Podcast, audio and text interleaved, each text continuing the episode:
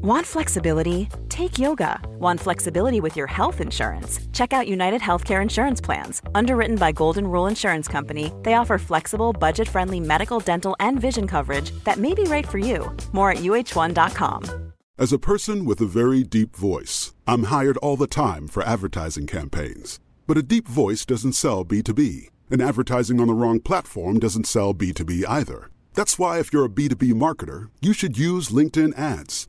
LinkedIn has the targeting capabilities to help you reach the world's largest professional audience. That's right, over 70 million decision makers all in one place. All the big wigs, then medium wigs, also small wigs who are on the path to becoming big wigs.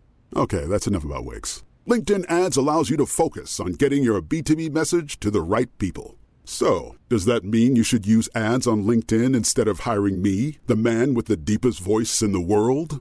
Yes. Yes, it does. Get started today and see why LinkedIn is the place to be to be. We'll even give you a $100 credit on your next campaign. Go to linkedin.com slash results to claim your credit. That's linkedin.com slash results. Terms and conditions apply.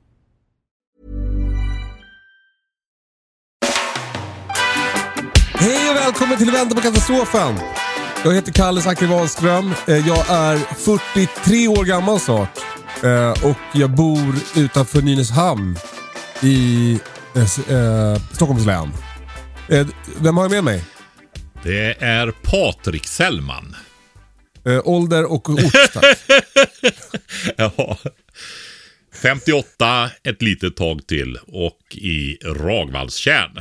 Tack för det Patrik. Hur mår du? Jag mår, eh, ja sådär. Jag har återhämtat mig eh, lite grann nu. Jag tappade min eh, lojalaste vän här i fredags. Så att det har varit eh, sisådär kan jag säga. Jag förstår det. Jag, nu börjar du prata om det fast du sa att du inte skulle prata om det. Ja, vet nej men jag ska får väl säga det i alla fall. Supervisorn har ju gått bort då. Alltså, eh, din hund. Ja. Ja. Eh, ska vi gå vidare eller? Ja. Förlåt att jag ledde in dig på det där ändå, fast vi hade sagt att vi inte skulle göra det. Nej, det är ingen fara. Eh, du, eh, eh, har du några föreläsningar som du vill berätta om? Ja, det får vi göra. Det är... Eh, ja, det är ju nästa vecka nu. Jag fick ifrån... Det, det var ju... Jag vet ju inte riktigt varför servern gick ner, men ja. När det ändå Alltså- blev så mycket krångel så kan man ju önska för att det var så många som anmälde sig för sig. Ja, men det kul. vet vi ju inte. Alltså att det inte var en eh, överbelastningsattack från fienden. Nej, så är det. Uppsala. Jag fick, hörde nu då att de hade fått tag i de gamla listorna för han gjorde en ny anmälningsblankett där, en reservlösning då. Men nu har de eh, så att det är några enstaka platser kvar i Uppsala på tisdagen. Och nu när detta sänds på onsdagen, då lägger jag upp på Instagram igen alla de här fyra föreläsningarna som är nästa vecka då. Och det är ju Östhammar på måndagen. Det är Uppsala på tisdagen. Det är Vinden på onsdagen. Och eh, Haparanda på torsdag. Så får vi se. Det är några grejer på gång på fredagen där. Men ja, ja vi får se. Spännande. Ja. Vad kul att det är så stort intresse. Ja, ja, det är ju fler grejer på gång hela vintern och våren kan jag ju säga. Det är ju, ja, nu är det ju mer än varannan vecka som det blir turné då. Du bränner inte ut dig va? Nej, jag försöker hålla varannan vecka hemma här och greja Ja. på och återhämta mig här. Men Ja. eh, jag känner också det där att när det är så stort intresse, för det är en annan sak att åka ut och möta folk och stå där. Ja, det känns som det blir en helt annan tyngd i saker och ting då. Så att eh, jag prioriterar det eh, nu i år har vi bestämt oss. Så vi har ju ställt in en, flyttat över de enstaka som var anmälda där till det andra gänget. Så det blir bara en småbrukarkurs i år då. Så vi lättar på trycket på sommaren istället. Just det. Kan vi filma lite och så kanske. Komma igång med det. Har du hunnit så? Ja! Jag börjar rassla igång här igår igen. Gud vad härligt. Ja.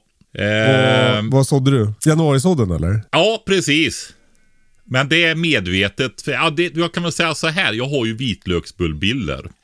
Och de bör man eh, sätta i brätte i januari för att de ska hinna bli riktiga lökar. Annars är det risk att de bara blir en sån där kula vet du, som man får, får eh, sätta om nästa år. Då. Ja, de går ju att äta dem också, men de blir ju inte så stora då. Just det. Men, eh, men de åkte ner nu också då. Får vi se hur långt de hinner i år. Blir det ett bra år så hinner de kanske färdigt.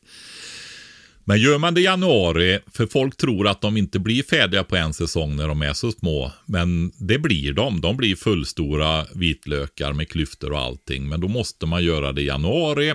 Och det är jätteviktigt att man har förvarat dem kallt så de har känt att det är vinter. För annars så växer de inte. Och det vi drar det där igen. Alltså man, man ska inte ha vitlök i kylskåpet för att det är en signal till vitlöken att den ska börja växa. Exakt. Den förvarar du i rumstemperatur om du ska äta den. Men ska den växa, alltså, du vet man, man sätter ju, vitlöksklyftor sätter du ju på hösten sent, precis så att den hinner liksom rota sig lite grann va. Jag misslyckas med det varje år. Gör du för tidigt eller för sent? Ja, jag, jag, jag glömmer bort det och sen så är det tjäle och så bara... ja. ja, ja. Det blev ingen vitlök. Ja, precis. i, i, I fjol så satt jag i och för sig och sen så fräste jag bort allting när det blev vår. Sen fräste hela landet. Du ska inte ha någon vitlök låter det som. Ja, tydligen inte. Det var, jag hade så otroligt mycket vitlök för några år sedan. Den blev liksom lite mätt. Men det är ju jävligt deppigt att inte ha hemma.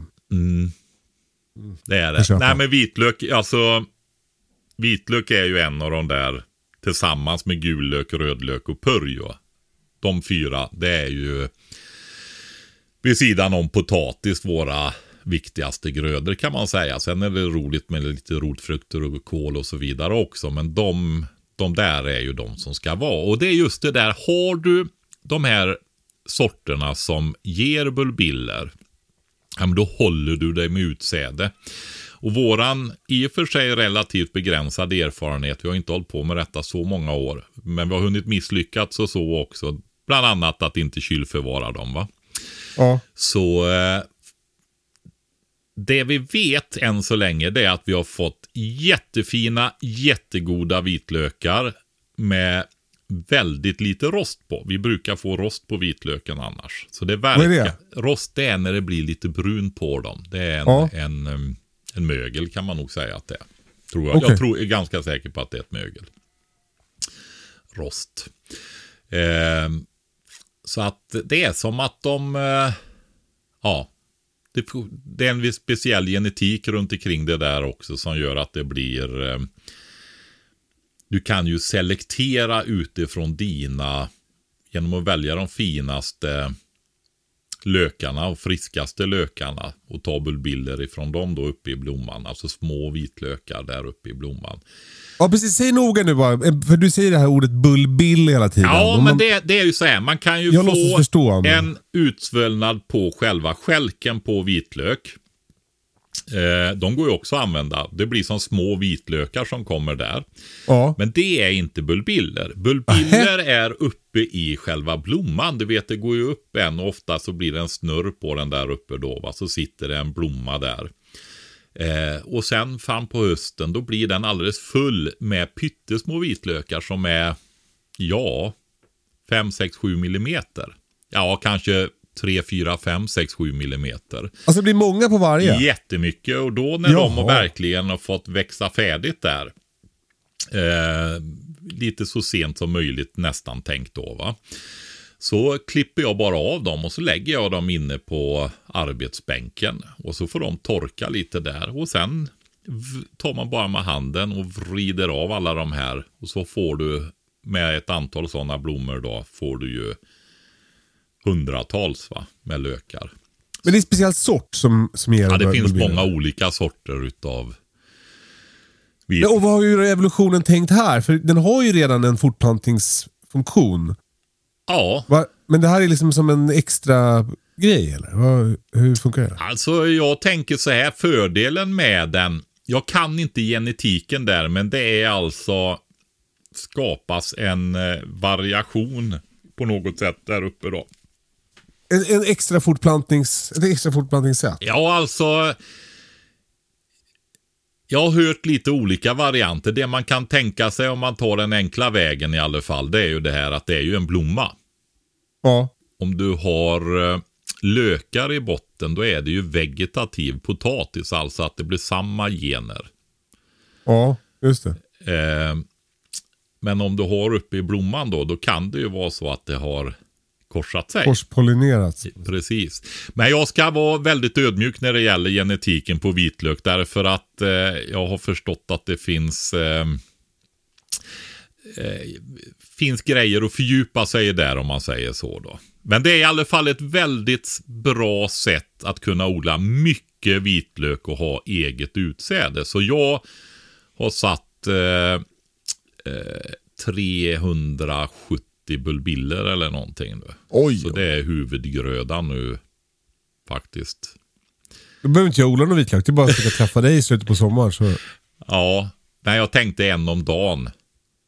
En vitlök om dagen. Jag vill inte ha med en vitlök om dagen eller? jo, men man ger ju bort några och sådär också. Så är det.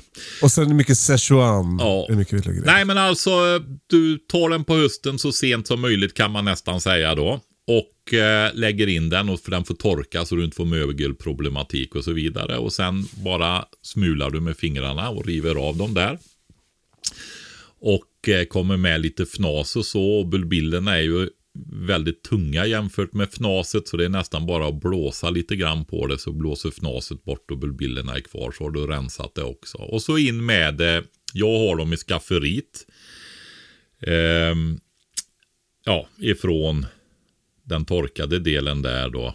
Till... Du kan vi börja säga grejer du inte har i skafferiet istället Patrik? Nej, det går. Jag Jag har inte kommit på något. Nej.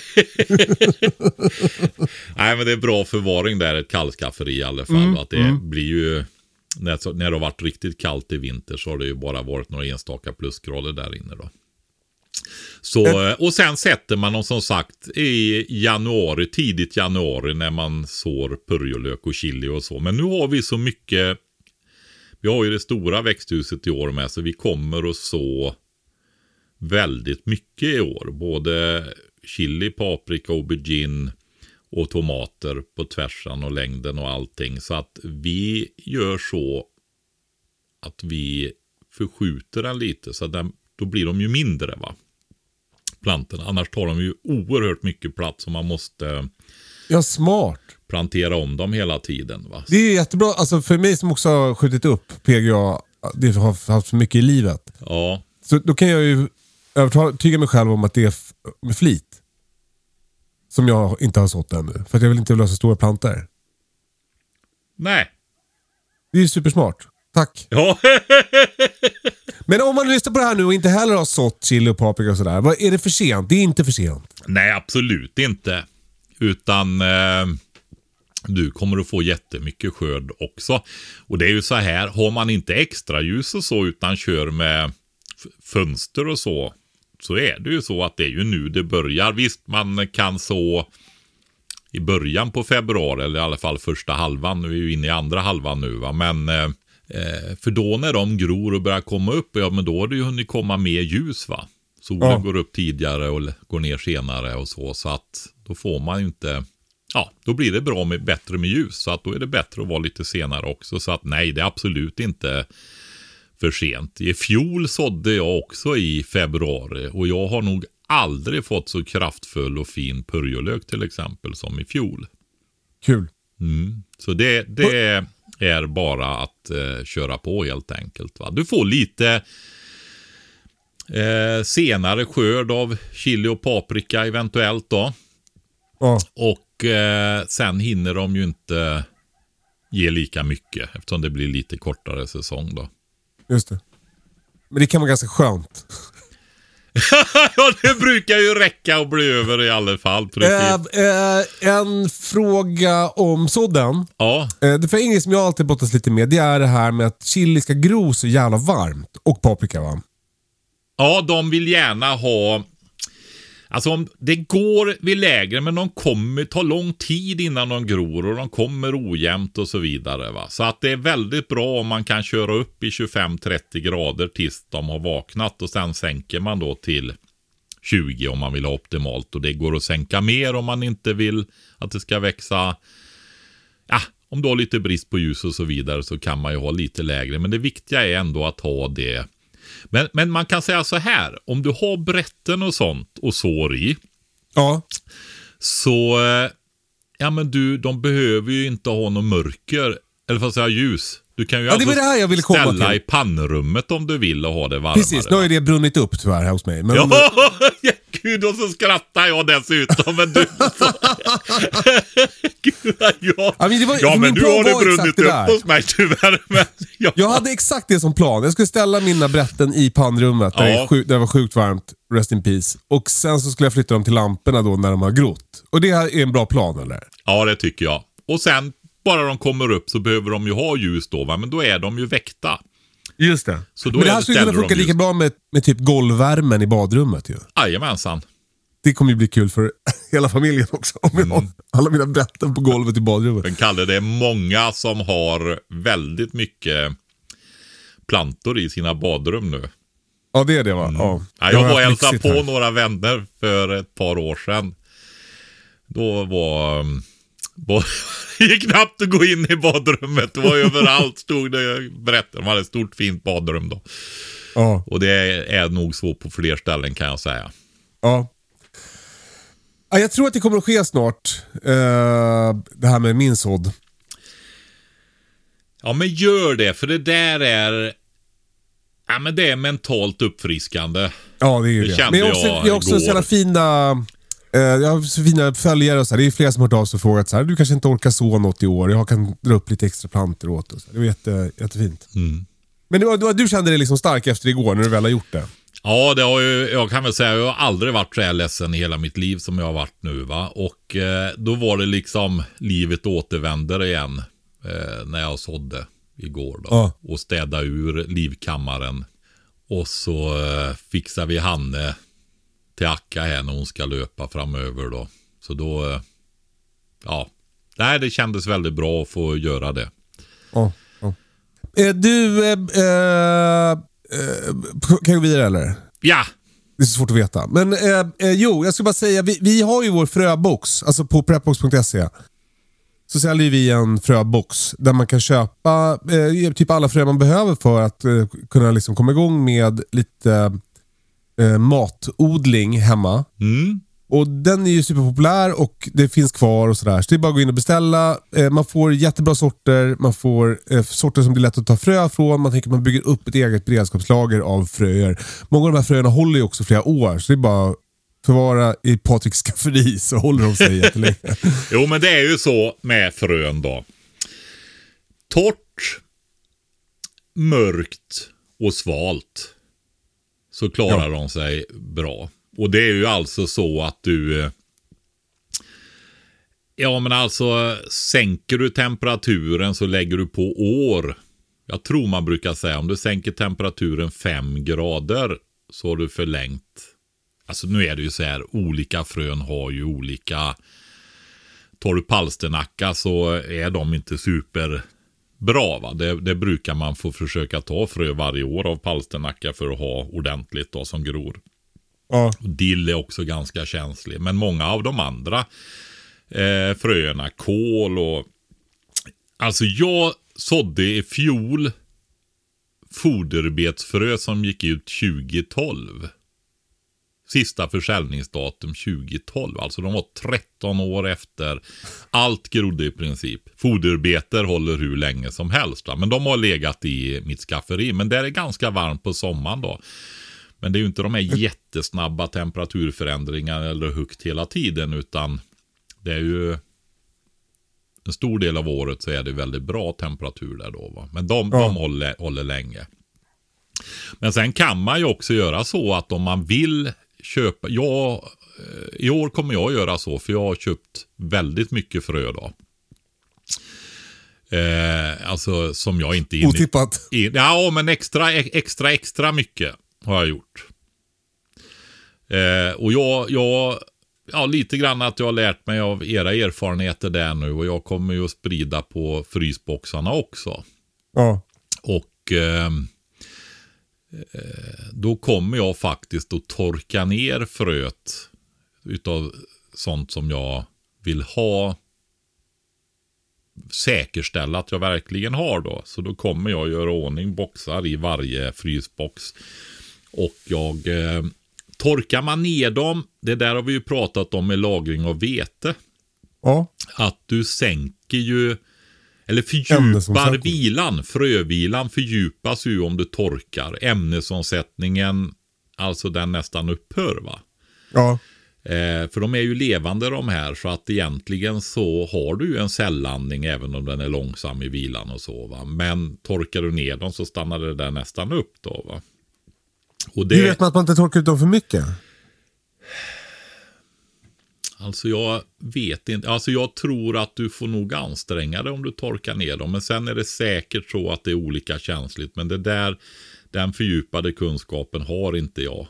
Nej. Utan det jag vet är, jag har ju provat detta eh, framförallt med ärtor. Majs och sånt har jag också frusit ner då. Eh, men ärtor och sånt är ju extra känsligt. Det är ju mycket vatten i dem och då kan man ju tänka sig om man fryser dem att eh, det kanske inte är jättebra va? med sprängverkan och sånt där. Så där torkade jag ner dem och jag eh, provsådde. Jag tror de hade legat i frysen i alla fall i fyra fem år. Och det grodde jättefint även med ärtor då. Va? Fan vad coolt. Ja, så att eh, jag kommer ju göra en sån där liten fröbank. På tal om fröbank, det är ju fröbanken vi jobbar upp med. Jag var ju och hälsade på nu när vi var på turné sist. Jaha. vad Vet kul. du vad? Jag, då förstod jag varför det hette Fröbanken. Varför då? De har ju bankvalv där vet du. Det är ju Ja, en det är en bank. gammal bank. Nej, jag tror det är kyrkans. Men de har haft, du vet, kyrkoarkiv. De har ju varit väldigt rädda om eh, pappersarkiven. Alltså vi har Ja. arkiv i kyrkorna från 1500-talet. va. Just det. Och det brinner ju på 500 år så hinner det ju brinna lite här och var. Och då har Jo, de valv till eh, att förvara de här arkiven i så inte de försvinner i bränder och sånt när husen brinner ner. Då står de kvar där inne. Och... Tills Fröbanken kom och tog över. Ja! För nu har man säkrat allting och tagit kort och digitaliserat. Smart. Får se om de är kvar om 500 år. Ja. Men du, eh, eh, vad kul att du fick hälsa på. Ja, fick det du var se jätte- vår nya låda också eller? Vad sa du? Fick du se vår nya låda? Ja, vi tittar på, ja, de hade inte packat dem än då. Men eh, vi såg grejerna där. Så att Ja. eh, du tänker på den här grodd och spirningslådan som vi har tagit fram. Exakt, det är ju stor premiär för den idag. Ja, eh, det blir, de hinner få ordning på den nu då. Vi hoppas det. Ja, vi får Vi se om det. blir denna eller nästa vecka. Men det är, är på gång nu och då är ju tanken att öppna upp lite för, nej alla kan använda den såklart. Vi, jag och Ingmar kommer att ta tag i detta igen. Det är ganska många år sedan vi höll på med detta nu. Vi har gjort det tidigare under, till och från under vårat liv då. Eh, men det, det, tanken är ju liksom att även de som är i lägenheter och sånt ska kunna odla då. Och då gör man ju groddar och man gör mikrogrönt och man kan även göra småblad då. Babyliv som det heter. Nu- Just nu det. när- Typ babyspenat till exempel. Ja. Sådana här som du klipper ner då och som kan växa. Solrosskott till exempel. Ärtskott finns ju också. Spenat är ju en som jag gillar väldigt, väldigt mycket då. Så att det kommer en sån låda nu och då ingår det även sådana här odlingstråg och grodningsboxar och sånt där i den där. Så det är ett komplett startkit med rejält med eh, testat frö då. När man man kan ju hålla på med olika grejer, men det är lite, jag vet inte, har du hört det där med groddar och sånt att eh, Nej men ibland blir folk sjuka och så, har du hört det? Nej. Nej. Av groddar? Jajamensan, att det och det är där- därför så är det en fördel kan man säga att eh, ha testat frö. För då testar man om det finns bakterier och så. För det är ju, om de du groddar så äter du ju alltihopa fast det har blivit Hela skiten. En, ja, exakt va. Och det är ju nyttjar och alltihopa det där. Men då får du inte ha frö eller bakterier och sånt på frö. För då får du i bakterierna? Okay. Ja, och du, du vet fuktigt och alltihopa det här som det blir när man groddar då va. Så att det fröet som är här, det är testat då. Det är sånt som man har i yrkesodling och sånt också då. Men, och jag vill säga då till alla som lyssnar, det är ju ganska många som lyssnar på den här podden som befinner sig i en position där jag var för förr. Där jag bodde eh, i lägenhet eller i, sen, sen i radhus. Fantiserade jättemycket om odling men hade som inte riktigt något att odla och ingenstans att odla och sådär. Och Det här är ett skitbra sätt att komma igång. Och vi pratar mycket i podden om det här med att bygga färdigheter. Att, att liksom lära sig saker. Och Det här är ett sätt för dig och helt ärligt dina barn också att komma igång med odling. Lära sig hur det funkar, eh, lära sig den här grejen med att göra egen mat som är så jävla mäktig som man håller på att smälla av. Jag ska fan satsa på det här också Patrik. Ja, jag kommer, vi kommer att göra det. För det, det är också så här vet du, att de här fröerna som då är, det är också givetvis så att det är lite varierande livslängd på dem. Och här behöver du, de ska ju växa här också va. Men förvarar du dem bra eh, så eh, håller de ju flera år. Ja. Och då har du möjlighet på det, ja man, det här kan man ju odla året runt. Så eh, det är ett sätt att ha fräscht grönt om man uppskattar det även på vintern. Annars blir det ju väldigt mycket så här att det blir mycket rotfrukter och potatis och lök. va. Visst, du kan ha ärtor och bönor och konserverat och så vidare också. Men, men det här bladgrönt.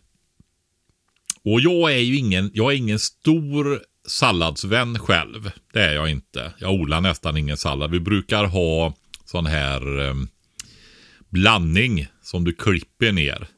Ja. Små, som blir lite småblad också kan vi säga då, eller salladsblad. Så. Men det här med eh, småblad och mikrogrönt och sånt, det tycker jag är eh, bättre då. Och då kan man ha det även på vintern, helfräscht. Och det handlar Verkligen. ju om eh, enstaka dagar, en vecka. För att få till det där va. Beroende på om man groddar eller om man eh, har eh, småblad då som man kanske kan skörda ett par gånger till och med va. ja, men det är också väldigt kul att hålla på med. Det är som slow TV. Ja, Alltså att ni, har, ni kan gå dit varje morgon och kolla så här, har det hänt något? Och... Mm. Ja, vad roligt. Och jag, alltså, det låter också bra det här med att man får mer grejer tycker jag. Bara för att eh, Jag har ju hållit på lite med det här, men jag, då har jag odlat liksom ganska stora tråg ute i verkstaden. Och då blir det så här, åh vad härligt med spenat, babyspenat och sen typ glömmer man bort det för att man inte tittar på dem varje dag. Så, så jag tycker det verkar bra att ha i köket också. Ja, beroende på hur stor diskbänk man har och arbetsbänk och så vidare så kan de ju stå där. Eller om man gör ordning en plats i eh, fönstret. Ja. Gött! Ja, eh, gå in på prepbox.se så kanske den finns där, annars kommer den om en vecka. Ja, exakt. ja, jag har nog en känsla av att vi, du var lite tidig där. Men nu har vi pratat om den i alla fall. Och, Det blir blåslampa på Jakob som ska lägga ut. ja, As a person with a very deep voice, I'm hired all the time for advertising campaigns. But a deep voice doesn't sell B2B, and advertising on the wrong platform doesn't sell B2B either. That's why, if you're a B2B marketer, you should use LinkedIn ads. LinkedIn has the targeting capabilities to help you reach the world's largest professional audience. That's right, over 70 million decision makers all in one place. All the big wigs, then medium wigs, also small wigs who are on the path to becoming big wigs. Okay, that's enough about wigs. LinkedIn ads allows you to focus on getting your B2B message to the right people. So, does that mean you should use ads on LinkedIn instead of hiring me, the man with the deepest voice in the world? Yes. Yes, it does. Get started today and see why LinkedIn is the place to be to be. We'll even give you a $100 credit on your next campaign. Go to linkedin.com slash results to claim your credit. That's linkedin.com slash results. Terms and conditions apply. A lot can happen in the next three years. Like a chatbot may be your new best friend. But what won't change? Needing health insurance. United Healthcare Tri Term Medical Plans are available for these changing times. Underwritten by Golden Rule Insurance Company, they offer budget friendly, flexible coverage for people who are in between jobs or missed open enrollment. The plans last nearly three years in some states, with access to a nationwide network of doctors and hospitals. So, for whatever tomorrow brings, United Healthcare Tri Term Medical Plans may be for you. Learn more at uh1.com. As a person with a very deep voice, I'm hired all the time for advertising campaigns. But a deep voice doesn't sell B2B, and advertising on the wrong platform doesn't sell B2B either. That's why, if you're a B2B marketer, you should use LinkedIn ads. LinkedIn has the targeting capabilities to help you reach the world's largest professional audience. That's right, over 70 million decision makers all in one place. All the big wigs, then medium wigs, also small wigs who are on the path to becoming big wigs. Okay, that's enough about wigs. LinkedIn ads allows you to focus on getting your B2B message to the right people. So, does that mean you should use ads on LinkedIn instead of hiring me, the man with the deepest voice in the world? Yes. Yes, it does. Get started today and see why LinkedIn is the place to be to be. We'll even give you a $100 credit on your next campaign. Go to linkedin.com slash results to claim your credit. That's linkedin.com slash results. Terms and conditions apply. Du Patrik, Ja. eh, i, sent i fredags så eh, eh, missbrukade du Prepbox-mailen och skickade ut ett jättedeppigt mail till alla våra eh, prenumeranter. ja. Du skrev att eh, det, var Livsmedelsverket som gick ut och berättade om ransoneringslagen. Eh, och Jag tänkte du kunde få säga det i podden också. Vad är det här med ransoneringslagen och varför måste jag tänka på det? Kalle, det här Ja. blir lite fel. Du vet, jag godkände bara översiktsläste det. Ja, jag att du har inte hunnit, eh, vet, jag har, haft, jag har haft total kaos här. Vet. Ja, jag förstår jag skulle Jag förstår. ha um, skrivit mer på beredskapsskolan och skickat till han och gjort en massa grejer. Men det har verkligen fått vara som det har varit. Så jag har väldigt dålig koll på det där. Har du kollat, Kalle? Jag har bara skummat. Men jag tänkte man kunde säga så här att liksom... eh, eh, ja, men att det är ransonering låter som andra världskrig, en andra världskriget-grej. Men att det kan också bli aktuellt nu, i, liksom här.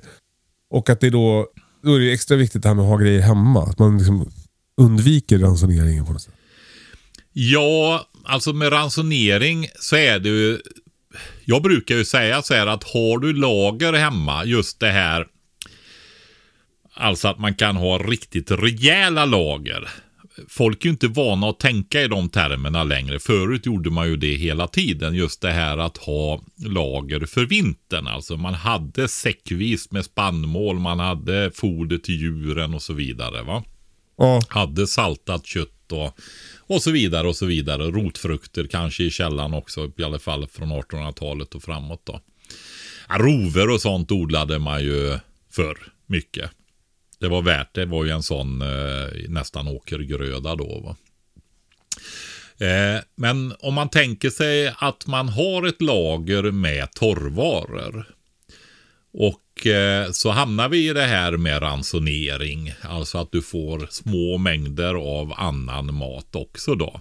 ja. Så kan man ju varva det men fortfarande ha ordentligt med mat då va. Så att man kompletterar med ransonerade varor och sånt. Ja. Ja, men för det, det som jag tyckte blev tydligt med det här pressmeddelandet från Livsmedelsverket var ju det här att det, att det liksom... Att nu, när det är så lätt att köpa grejer så är det så otroligt smart. Alltså man kommer vara så glad för det sen. För att nu kan du bara trycka på en knapp så kommer det hem grejer till dig. Och, och det kan komma en tid när, när du trycker på knappen och eh, hemsidan blinkar rött och säger du får inte köpa det här för du har, inte, du, du har redan köpt tillräckligt. Eller så här. Alltså det, och, eh, det, det kan komma tider där det finns mycket mindre grejer att, att köpa och äta. Och, och då ska man vara glad om man gjort det nu. Alltså det är ju det där som jag har försökt prata med folk om länge. Vi har ju gjort det här i podden i tre år då. Och eh, det är ju den där ena paradoxen som jag pratar om på mina föreläsningar. Ja, även här i podden då. Det är ju Och i hemberedskapsskolan. Ja, det är ju det där att eh, vi är så ovana vid det här tänkandet nu och vi flera generationer nu så har vi ju haft ett sånt oerhört överflöd runt omkring oss av Ja. allt i princip, inte minst mat. Och det har ju blivit mer och mer och året runt av nästan allting och exotiska grejer och så vidare. Va? Och dessutom så har ju, för bortser man från de sista två, tre åren då, så har ju, ja men det har blivit väldigt billigt med mat i ett historiskt perspektiv då. Det var mycket större andel av lönerna som gick till mat bara för några decennier sedan va. Just det. Så, eh, men paradoxen är då så här. När man ser, det är som jag säger så här, ska man, har man en större vi har ett litet slakteri nere i Kristinehamn. Du vet så här om man åker ner med sina lamm och så slaktar de eller om du har 10-20 grisar så kan du åka dit. Va? Men den här stora matproduktionen, om du har sånt företag, eh, lantbruksföretag här i Värmland, ja då är det Skara som du får köra djuren till. va. Ja, ja. Så eh, det finns liksom inte grejer runt omkring va. Så vi upplever det här överflödet men samtidigt har vi aldrig haft så lite mat i våran omedelbara närhet. ja. Alltså, jag har alltid sagt möjligtvis med undantag av svältåren, men så har jag tänkt en tanke längre. Nej, men grejen är ju så här att alla hade ju dött om de hade haft så lite mat som vi har nu. Så de hade mer mat även under svältåren, men vissa hade ingen då, så de svalt eller fick för lite över tid. va. Men generellt i befolkningen så måste det ju ha funnits mat för vintern om man säger så. Annars hade de inte klarat sig. va. ja. Och det har inte vi. Vi har inte det i vår närhet utan vi är beroende utav logistikkedjor och sådana saker då för att få ut det här. Va? Mm. Eh, alltså det finns mat i landet men den ska ut till 10 miljoner människor då. Då måste det Alltså du menar infrastrukturen kring, kring livsmedels, livsmedlet är liksom, den, den, bygger på eh, diesel, lastbilar och diesel. Och, reservdelar, lastbilschaufförer som kan ta sig till jobbet Ja, och så vidare. Va? ja, Och just det där att ta sig till jobbet och fortsätta att lösa sina uppgifter, det är ju grunden för hushållens eh, beredskap. Att vi ska kunna fortsätta att lösa våra uppgifter och hålla igång samhället. Va? Och verkligen är det... För vi, det är den andra paradoxen det. Och det är just det där att vi är så specialiserade idag. Eh, men också att vi har blivit så individualistiska. Kör vårt eget race, utgår, vår, går vår egen väg, du vet så här. Och det är ju att vi inte är lika beroende av varandra längre som det ser ut skenbart. Eh, alltså den här direkta, förr var man ju så beroende av släkten och föräldrar och syskon och farbror och moster och så vidare. Alltså de man hade runt omkring sig för att reda sig va. Alltså det var en mer lokal värld. Nu har vi ju välfärdsstater och försäkringssystem på tvärsen och längden och allting va. Men samtidigt så kan vi ju ingenting. Vi är så specialiserade så mitt i det här självtänket, egna vägen och alltihopa det här, så har du aldrig varit mer beroende av andra människor än nu. Vi är ju 100% konsumenter de flesta av oss alltså. ja. Och eh, ja, då är det så här att våran chans över tid är att saker fungerar. Och det kan jag tala om. Det är inte någon liksom överordnad grej här som ser till att det funkar. Därför att det är vi som är här som får göra det. Alltså vi människor. Vi måste förbereda oss i hushållen så vi kan fortsätta att hämta sopor. Fortsätta att hålla igång kraftledningssystem. Fortsätta att driva förskolor och grundskolor så att läkarna kan gå till sina jobb och rädda liv och så vidare. Som förmodligen en väldigt utsatt situation blir ännu viktigare. va. ja. Så ehm, ja, det är det. Vi behöver bygga lager. Och det är Ja. ju det här, de pratar om den här veckan hela tiden. Och eh, det var ju så jag gick ju igenom sammanfattning, sammandraget av försvarsberedningens rapport där som kom innan jul. Och där står återigen den här veckan. Och när jag läste det, då tänkte jag det, ja, när allt annat här är ju att hela samhället har en beredskap för en uthållighet på tre månader. Alltså det finns, går att hålla igång lastbilar och kvarnar och slakterier och livsmedelsproduktion och reservdels börja och så här. i tre månader. Ja, men då räcker det nog med hushållen har en vecka. För då har vi så mycket gemensam beredskap. Men nu har vi ingen gemensam beredskap. Det kommer ingen efter en vecka. Ja. Hos de flesta. Du kan inte räkna med det. Så, eh, ja. Där står vi. Ja. Och eh, Det är så viktigt tycker- också att alla hjälps åt. Därför att det kommer ju att bli makabert. Med alla familjer. Jag tänker barnfamiljer. Är, är, för, otroligt hur det kommer att bli. När, när eh, folk inte kan reda sig och sketit i det här. Va? Det är fruktansvärt. Ja. Jag, jag tänker på det du pratar om, när, alltså, eh, eh, liksom, eh, vi, alltså, för ni gör, vi har ju det här klädmärket Kärret, eller vi gör kläder och lite prylar och skor och så här. Och, och där har vi som en uttalad strategi att vi vill tillverka grejer i Sverige. Eh, för att jag tycker liksom att det är rimligt att, man ska kunna, att det ska finnas någon som kan sticka mössor i Sverige. I, liksom, i, eh, lite kvantitet. Alltså att det finns en fabrik som kan göra det. Att det finns en fabrik som kan göra brallor. För det, det finns nästan inte det längre. Alltså vi, vi höll på att skulle göra de här mössorna. Då, då skulle det, stick, det skulle stickas i Sverige.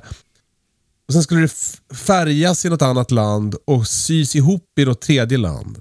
Och då, Jag tycker inte att det låter något bra att det är så.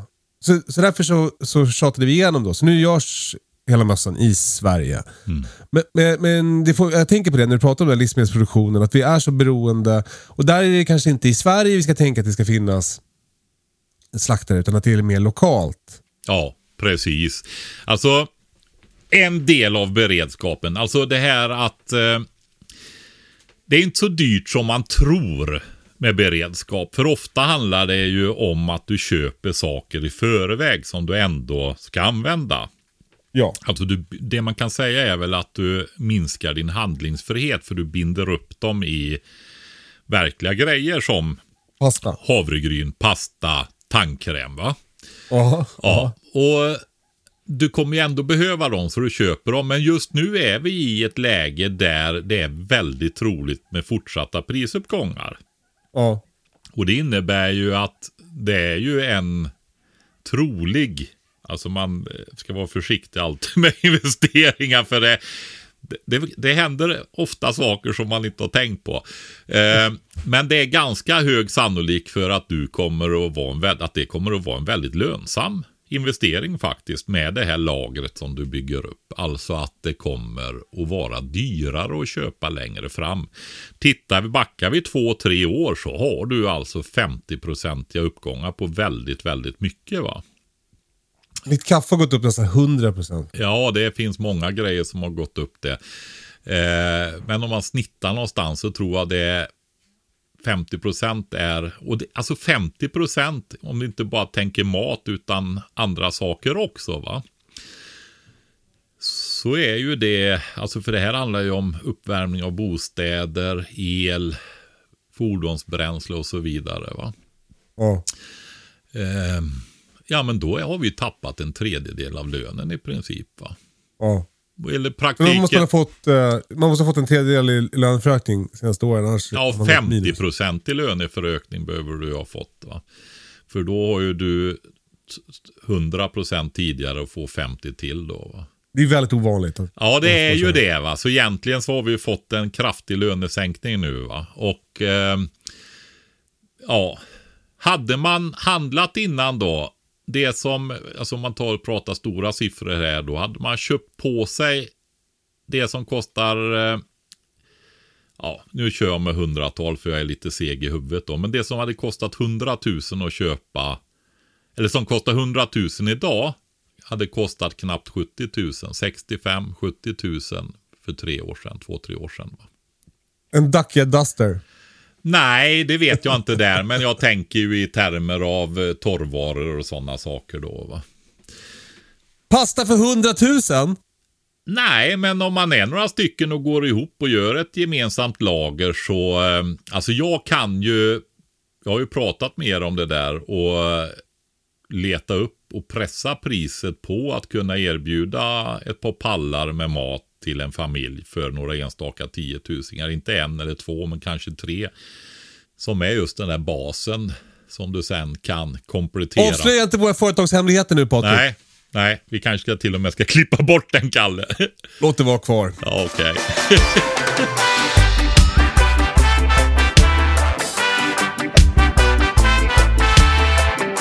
OV-butiken är ju sponsor idag. Har, det här är ju en gammal eh, samarbetspartner till oss. De var jag och hälsade på i höstas faktiskt. Var nere i butiken. Jag var ju nere vet du i... Eh, alltså nu tappar jag var jag var någonstans.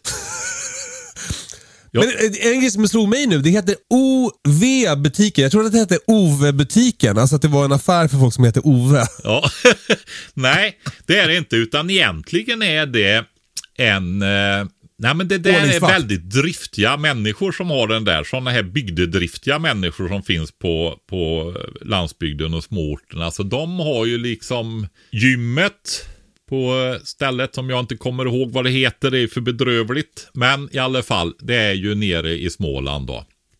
När vi var på Öland Vetlanda. och eh, Hultsfred och eh, Vimmerby Markaryd. och hade föreläsningar i höstas då. Eh, nej, men så har de ju väktarbolaget också som sköter övervakning i industrin och sådana saker och butiker och sånt, tillsyn och så. Och sen har de den här butiken och den har historiskt varit riktad väldigt mycket till eh, ja, men de som jobbar med eh, säkerhet och så, poliser, väktare och sådana saker då. Men så har de breddat nu då och det har de gjort ännu mer när de har börjat samarbeta med oss. Och de, jag tycker de har varit duktiga på att ta fram eh, bra grejer till riktigt hyfsade priser då. Och vi gjorde ju, nu kommer inte jag ihåg hur länge det är då va, men vi tog ju upp när Ukraina-kriget började eh, och jag kände att nu ökar risken rätt rejält för otrevliga saker här va. Så vi har ju ett par gamla avsnitt där vi pratar om det här med radioaktivt nedfall som kommer med vinden. Just det. Och att det finns alfa och betapartiklar, alltså som är partiklad. Och förutom det så har du gammastrålningen då som är som röntgen då va. Det är inga partiklar. Men de där alfa och betapartiklarna de vill du inte ha i hornhinnorna eller ner i lungorna om du behöver ta dig ur ett område för då skadas det så kraftigt va. Och därför så har alla soldater helmask. Och därför hade vi stora lager fram till 2013 då man eldade upp alla våra 7,5 miljoner skyddsmasker. Vad tycker du om det Patrik? Alltså det är ju, ja vad ska jag säga, det är ju en en enorm förstöring som har skett de här senaste 20-25 åren. Va? Det är ju så. Av allting. Eh, nej, alltså det är ju, nej men jag tycker inte, vad ska man jag sitta och, det där det är ju bara ett enda stort vansinne. Alltihopa. Alltså, eh,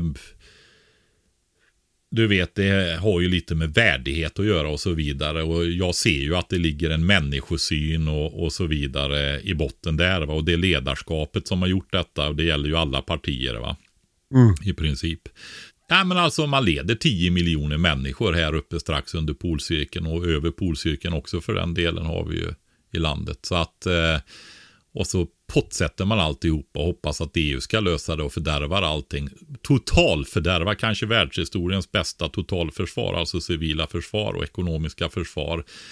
I tron att EU ska lösa allt innan EU ens har någonting att lösa det med. Så att och det är ju hur mycket som helst och det tog decennier att bygga upp det förra gången. Va? Med enorma investeringar. Så eh, ja, det är uppeldat, vet du, fjärrvärmeverk och så vidare. Så att, eh, ja, det, det är...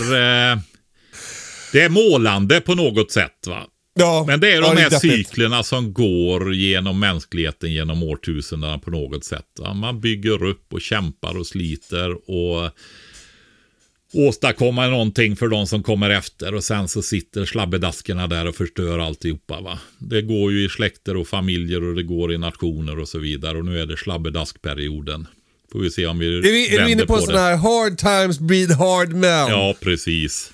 Ja, ja. Jag vet inte om den har stöd i forskningen Patrik. Men eh, du, vi har pratat om OV-butiken. Precis, och då är det så här att nu har han fyllt på lagret med skyddsmasker just för att vi ska ta upp det här igen. Så att vi skulle trycka på det idag, bad han oss. Okej. Eh, de har en helmask, eller faktiskt två stycken nu då. De har en mer, eh, så den som du hade som är uppeldad nu då. Ja, alltså jag, jag gjorde precis som totalförsvaret. Jag eldade upp mina skyddsmasker. Ja, det var inte du som gjorde det. I alla fall inte medvetet, Kalle. Nej, nej. Nej, precis. Nej, men de har eh, en sån helmask med väldigt bra syn då. Alltså ett bra eh, synfält och sådana saker. Och det är även talmembran och jag tittar på hundarna här nu så att ja, det var bara en bil som åkte förbi. Bilar de ska ha dem vet du. Verkligen. Ja. Men man kan koppla en vattenflaska till också. Ja, ja, men det, ja, det är olika modeller. Och det där Okej. kan jag säga är som när jag var officer och soldat. Då hade vi de gamla kalla kriget-maskerna och de fungerade bra. Jag har provat i tårgastält och sådana här saker med de där och de funkade. Men det gick inte att dricka. Nej. Eh, det kräver en speciell design för att kunna göra det. Och eh, jag kan väl säga så här att om man gör saker med en skyddsmask på. Det är ju så att det blir ju, du ska ju andas igenom ett filter va. Och då blir det tyngre att andas. Och jag kan säga att eh, du blir väldigt fort ansträngd när du har skyddsmask på dig. Så, eh, och det innebär ju att, ehm, ja, du går åt vätska då va. Och då kan du tänka dig om du inte kan ta av dig skyddsmasken och dricka. Klaustrofobi. Ja, men alltså det är jobbigt kan jag säga. Och det är jättejobbigt att vara jättetörstig. Så ehm, det här med att man väljer en som det går att dricka i då va. För det finns både och där att välja då. Det får man läsa så man ser vilken det är man ska beställa. Men är det en prisskillnad eller? För de är ju ganska dyra. Alltså jag, jag dyr. Alltså du tänker att det är mycket pengar. Jag, jag tycker inte att de är dyra. Dyra betyder ju att någon tar extra bra betalt för dem. Just det. Ja, men att det är klart att det är mycket pengar om man är Ja, det är en en familj. saftig investering. Ja, det är det. Det är det. Ja, helt klart. Eh, jag ska titta nu. Jag har det framför mig här nu. Det finns med glasögonbågar också. ja, men alltså det är bra om man kan se med. Men det som också är viktigt är ju att det går att prata i dem då. Och det gör det i de här då. För annars sitter du inne i en bubbla och pratar med omgivningen. Va? Men det jag skulle säga också är så här. Att man ser till att det har ett fungerande vätskesystem. Och sen så har man två filter till varje mask. Och de filtren är jätteviktiga att man inte bryter förpackningen och testar och provar och så vidare. Därför då kommer det här att ta upp luftfuktighet och då förbrukas filtret. När man var ute i mobbförråden förut och plockade ut sina filter. Då låg de i en mylarpåse. Och eh, då stod det en taravikt. Alltså vad vägde den här när man vägde in den? Och så hade man speciella vågar. Då vägde man dem för att kolla. Jag kommer inte ihåg exakt vad det var. Om det var 20 gram eller någonting sånt där. Som det inte fick eh, ha ökat i vikt. Ja, ja, för då hade den tagit åt sig fukt. Precis, och då gick det inte att använda den va. Mhm, vad smart. Eller då var den förbrukad filter. Men fan helvete vad mycket det är att hålla reda på hela tiden Patrik. Ja. Helt knäckt. Ska man ha en speciell våg för skyddsmasksfiltren också? Nej, men nu är det ju lättare. Du vet, det här är ju gjort förr i tiden och det skulle ligga i förråd länge och så vidare. Så det var ju mekanisk konstruktion. Du har ju världens eh, digitalvåg hemma om du vill testa ditt filter. Ja. Så det är inga, inga konstigheter. Nej men du ska fortfarande ha gjort, du ska liksom få hem filtret, du ska väga in det, anteckna vikter i något jävla dokument. Ja, eller Skriva också... ut dokumentet om elen försvinner. Och så måste du ha dokumenterat allt i en plan också. Och ha tre Verkligen. olika alternativa planer. tre vågar Redundansregel. väga. Du måste ha antecknat vikten på tre olika ställen. Ja, precis. Åh. Nej, men jag vet inte. Jag kommer inte ihåg om det står vikt på dem. Jag tror det gör det. Det, det Ja, ska så. nästan Det- göra det, tänker jag. det- Men jag det är inte smidigt. säker på att det gör det. Jag vet inte. Men de har även en, eh, en eh, vad ska vi säga, en ny variant utav masken också. Som taktisk skyddsmask är den. Det är väl det att det inte är lika stor bula med den här kåpan framför. Utan att den är närmare. Alltså bättre för att man ska smyga omkring och härja runt. Nej, men ja, ska, vi, man säga som det är så är det ju för att eh, det är för militärer kan man säga då. Och det är ju för att inte skyddsmasken ska vara i vägen när du ska lyfta upp vapnet och skjuta då. På samma Taget. sätt, så är det. Det är därför den kallas för taktisk då. Just det. Kan ju vara bra för Und- undrar poliser vilken jag och behöver. sånt. Vad sa du? Undrar vilken skyddsmask jag ska ha. Så. Alltså, det var ett skämt om att jag tycker att det är så kul med taktiska grejer. Mm. Okej, men och hur får man, får man någon rabatt eller? Ja, precis. Bra Kalle. Det där höll jag på att tappa bort. Det är eh, allting. Det, han har ju olika kategorier. De har ju en som heter hemberedskap och fritid. En kategori. Och där finns det hemberedskap och prepping. Allting som är i den kategorin. Och det är ju radios och vattenrening och sjukvård och allt möjligt va. Köp helst vattenrening från Prepbox dock. Ja, det, vi har ju väldigt bra vattenfilter, så är det. Men där får man 10% på allt med rabattkoden hemberedskap. Det är lätt att komma ihåg eftersom kategorin är hemberedskap och prepping så är, är eh, rabattkoden hemberedskap med stort H i början då. Så den är viktig. Jag gör så här Kalle att jag lägger upp eh, Undrar om inte de ligger i höjdpunkter de här. Men jag lägger upp i alla fall i händelse på onsdag när den kommer ut den här. En direktlänk i händelser med bild på skyddsmasken. Så det går att gå in på Instagram-kontot och klicka dit om folk är intresserade av det där. För det är en möjlighet. Snyggt Patrik! Tack Ove-butiken för att ni sponsrar podden. Det är ovärderligt. Ov... Ja. Men vi står OV för ordningsvakt. Du, jag vet inte, men det skulle kunna göra det i alla fall. Ja. ovbutiken.se Hemberedskap är rabattkoden med stort H då. Du, eh, eh, eh, vi har ju pratat mycket om konsumtion i dagens avsnitt. På gott och ont. Ja, men Eh. mycket, mycket beredskap, det är ju framförallt eh, två saker som är beredskap. Egent, alltså det beror på hur breda man gör de där sakerna. Men, och det går ju att dela upp dem då. Va? Men, men det ena, det är ju mental beredskap som är väldigt, väldigt, väldigt brett. Och så har du ju det här med att lära dig saker. Att eh, öva på saker. Få upp färdigheter och se till att man kan. Och det kan ju vara allting ifrån att ha brandövning hemma med barna va. Just det. Eh, ja. Och Ola groddar. Ja, men precis. Eller att man gör sådana här saker att man börjar laga mat ifrån grunden.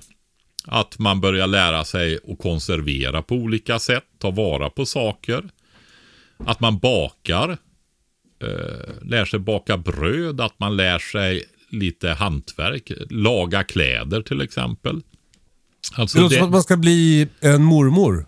Ja, så är det. Men sen, sen den andra delen då, det är ju faktiskt att ha utrustning, mat, verktyg och sånt så att man kan reda sig när inte saker fungerar. Alltså, man måste vara medveten om för allting är ju så självklart och naturligt om man precis är född in i det här överflödet som vi har nu. Men när du sitter där med ditt lilla enkla, enkla liv och dina linser och kikärtor och nästan inte äger någonting och liksom du vet det här i din lägenhet i stan. Eller i ditt lilla torp ute på landet. Så är det bra om man är medveten om att anledningen till att man inte håller på och sliter ihjäl sig där ute och ständigt jagar kalorier och håller på att svälta ihjäl till och från. Det är alltså att hela världen jobbar runt om. Mängder med maskiner, gruvor, allting för att upprätthålla din livsstil. Tro inte någonting annat. Nej. Och är det så att saker, det är ett jättesystem nu i och med att vi har haft en globalisering också sedan 30 år. Va? Det är och o, alltså bygger på enorma logistikkedjor som skickar grejer kors och tvärs. Ja, du beskrev det här med sticka och sy ihop och färga. ja, stickorna tillverkas på ett ställe. Gruvan är i andra änden på världen som gjorde de där metallstick. Ja, du vet. Eh, så är det. Och man kan också tänka så här. Som jag har tagit upp tidigt i avsnitten där. Att det, det har hört lite olika bud. Men man förstår principen. Det är alltså ett par, tre, fyra hundra eller motsvarande om man tittar på energi och sånt. Om man går till innan den här billiga energin kom, alltså innan industrialismen och det här. Så har vi så mycket energi idag så var och en av oss, vanliga vardagsmänniskor i genomsnitt har ett par, tre, fyra hundra slavar som jobbar åt oss. Sweet! Funder, fundera själv på vad det innebär om de försvinner. Ja. Eh, alltså om det här går sönder, om det blir allvarliga Ja, men det finns allt. Nu är det mycket krig på tapeten, men det finns ju vulkanutbrott, det finns eh, solstormar, det finns pandemier som slår sönder och folk blir sjuka och dör och så vidare. Alltså inte saker fungerar längre. Det finns mängder och man vill inte vara med om det där oförberedd. Men samtidigt så kan man ju inte springa runt liksom och vara skräckslagen hela dagar för att det kanske ska komma en pandemi. Alltså det, vi, vi, en sak kan vi vara säkra på, det har vi alla gemensamt oavsett om vi är nyfödda eller världens rikaste.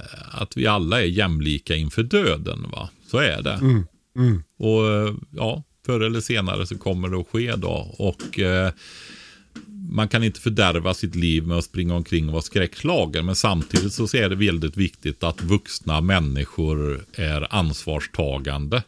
Och är vuxna. Så att eh, det handlar om en mognad också det där att eh, någonstans vara den som bär och inte tro att det alltid är någon annan som ska göra allting åt dig. Va?